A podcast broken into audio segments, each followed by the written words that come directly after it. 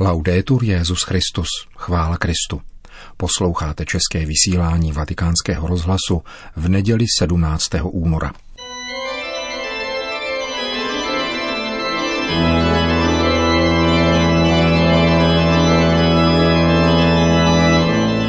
Církev a svět, náš nedělní komentář.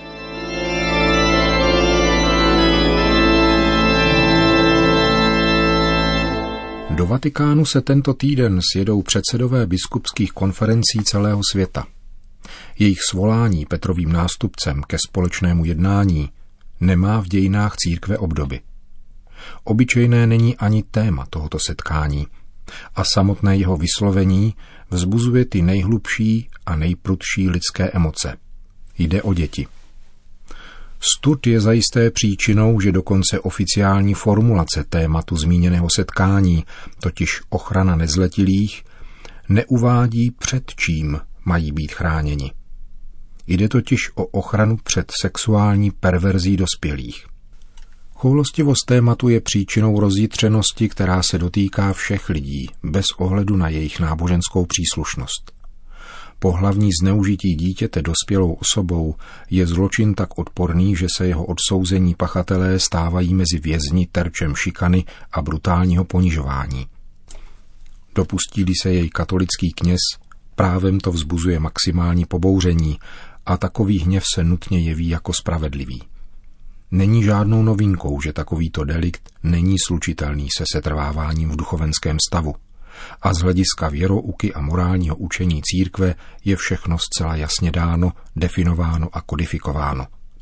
Pokud je dnes něco problémem, pak to rozhodně není postoj církve jakožto instituce, byť nelze vyloučit případy liknavého postupu některých příslušníků hierarchie při prověřování důvodnosti obvinění nějakého kněze z tohoto deliktu. Existuje totiž celá řada právních postupů jak v církvi, tak ve státních orgánech činných v trestním řízení. Nic převratně nového zde vymyslet nelze. Problémem je dnes spíše samotný pojem perverze, jehož ředění, ba zrušení v souvislosti s pohlavním stykem dospělých s dětmi hrozí podobně, jako se to stalo s homosexualitou v 70. letech minulého století na poli psychiatrie, takzvaném diagnostickém a statistickém manuálu mentálních poruch americké psychiatrické společnosti. A nejde o to, že podle Kriminologického ústavu Spojených států amerických John J. College je 80% obětí zneužitých kněžími mužského pohlaví. Psychiatrického a v důsledku úpravy příslušných státních legislativ také morálního ospravedlnění se totiž veřejně začínají domáhat také zastánci pedofílie, jak si lze snadno ověřit na internetu. Rozsah této morbidity ukazuje snad jediná organizace, která na světě bojuje, a to nejenom verbálními deklaracemi, nýbrž podáváním konkrétních trestních oznámení proti pohlavnímu zneužívání dětí ve věku 0 až 12 let, vystavovaných, ba dokonce nabízených a prodávaných na internetu. Tato italská církevní organizace, zvaná Meter, jejíž aktivitu nejednou veřejně podpořil papež, dokládá každoročně konkrétní adresy internetových providerů, kteří tento odporný obchod umožňují. V roce 2017 to byly zdokumentované 2 miliony fotek a milion videí, což bylo dvakrát víc než v roce 2016. Mlčení a pasivní spoluúčast webových kolosů i mnoha států, kteří nemají ani příslušnou trestní legislativu, je zneklidňující. Není to však jediné úskalí.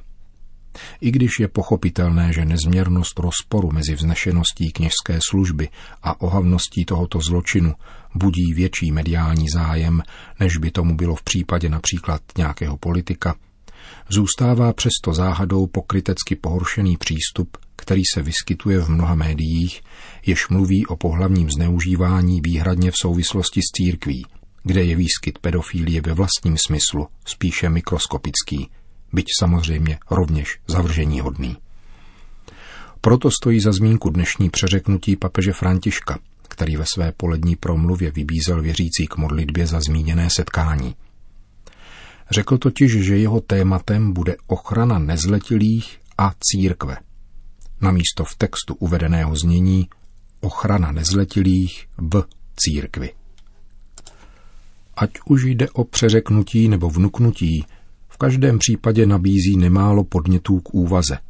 Neboť, jak řekl kdysi Benedikt XVI., nejvíce je církev ohrožována zevnitř.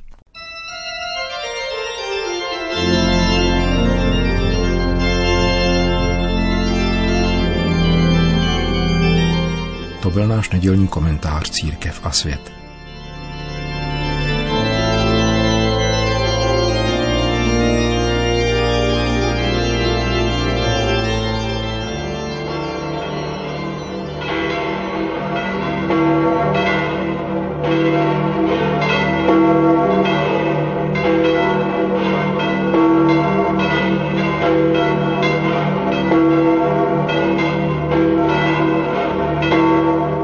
Svatopetrské náměstí se předpolednem sešlo asi 10 tisíc lidí, aby si vyslechlo pravidelnou promluvu Petrova nástupce před mariánskou modlitbou Anděl Páně. Papež komentoval evangelium šesté neděle liturgického mezidobí.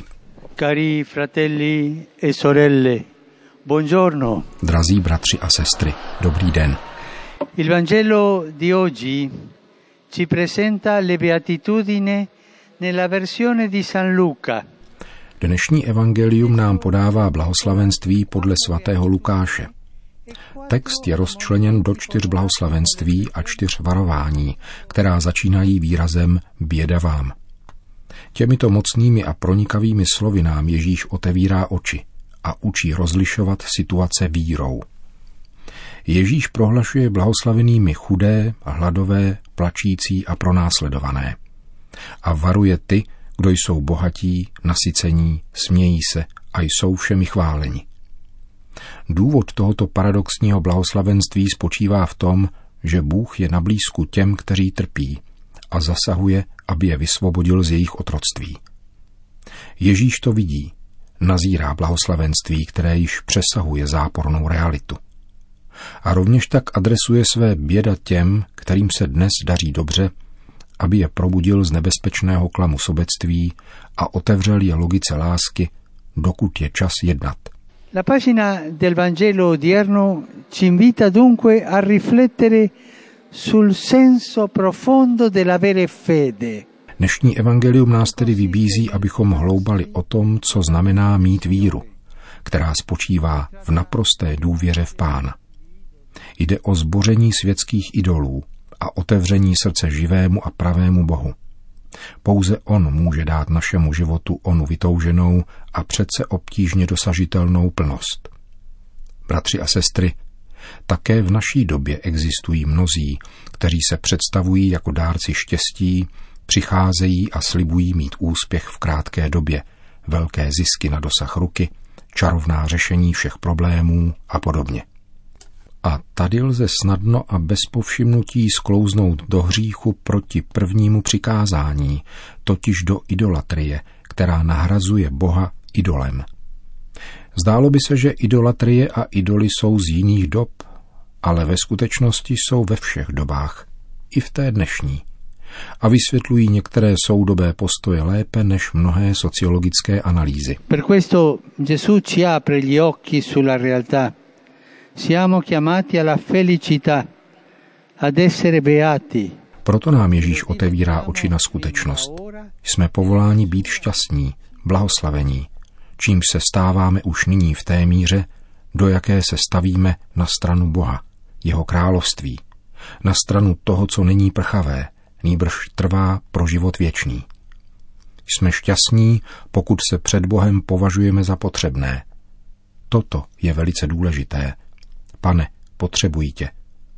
Pokud se cítíme potřebnými před Bohem a pokud jsme jako On a s ním na blízku chudým, plačícím a hladovým. Před Bohem jsme i my takovými, totiž chudými, plačícími a hladovými. Radovat se dokážeme pokaždé, když ze světských statků, které máme, nečiníme idoly, jimž prodáme svoji duši. Nýbrž umíme-li se o ně dělit se svými bratry. Dnešní liturgie nás znovu vybízí k tomuto spytování a ke zjednání pravdy ve svém srdci. Le beatitudini di Gesù sono un messaggio decisivo che ci sprona a non riporre la nostra fiducia nelle cose materiali e passaggere. Ježíšova blahoslavenství jsou rozhodujícím poselstvím, jež nás podněcuje, abychom nevkládali svoji důvěru do materiálních a pomíjivých věcí, neusilovali o štěstí následováním těch, kdo slibují hory doly, ale nezřídka se šalebnou profesionalitou prodávají smrt. Takové nenásledovat. Nejsou schopni dát naději. Pán nám pomáhá otevírat oči, pronikavěji nahlížet realitu a hojit chronickou krátkozrakost, kterou nás infikuje ze svědčtělý duch. Svým paradoxním slovem námi otřásá a dává poznat to, co nás opravdu obohacuje, sytí, obdařuje radostí a důstojností. Zkrátka to, co opravdu dává smysl a plnost našemu životu. La Vergine Maria ci aiuti ad ascoltare questo Vangelo. Pana Maria, ať nám pomáhá naslouchat tomuto evangeliu otevřenou myslí a otevřeným srdcem, aby v našem životě přinášelo plody a stávali jsme se svědky štěstí, které nešálí, božího štěstí, které neklame. Po hlavní promluvě papež obrátil pozornost k nadcházejícímu samitu předsedů biskupských konferencí ve Vatikánu. Da giovedì a domenica prossima avrà luogo in Vaticano un incontro dei presidenti di tutte le conferenze episcopali sul tema della protezione dei minori e della Chiesa. Od čtvrtka do příští neděle se ve Vatikánu bude konat setkání předsedů všech biskupských konferencí na téma ochrany nezletilých a církve. Vybízím k modlitbě za tuto schůzku, kterou jsem svolal jako výraz silného znamení pastorační odpovědnosti před naléhavou výzvou naší doby. Davanti a una sfida urgente del nostro tempo. Po společné mariánské modlitbě Anděl Páně papež všem požehnal. Sit nomen Domini benedictum. Ex hoc nunc et usque in seculum. Aiutorium nostrum in nomine Domini. Qui feci celum et terra. Benedicat vos, omnipotens Deus, Pater, et Filius, et Spiritus Sanctus. Amen. Končíme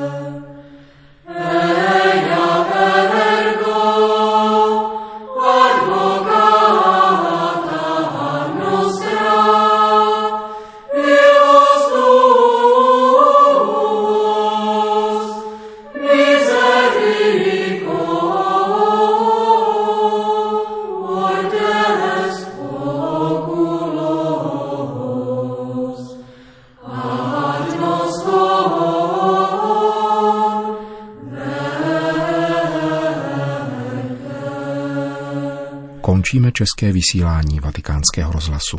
Chvála Kristu. Laudetur Jezus Christus.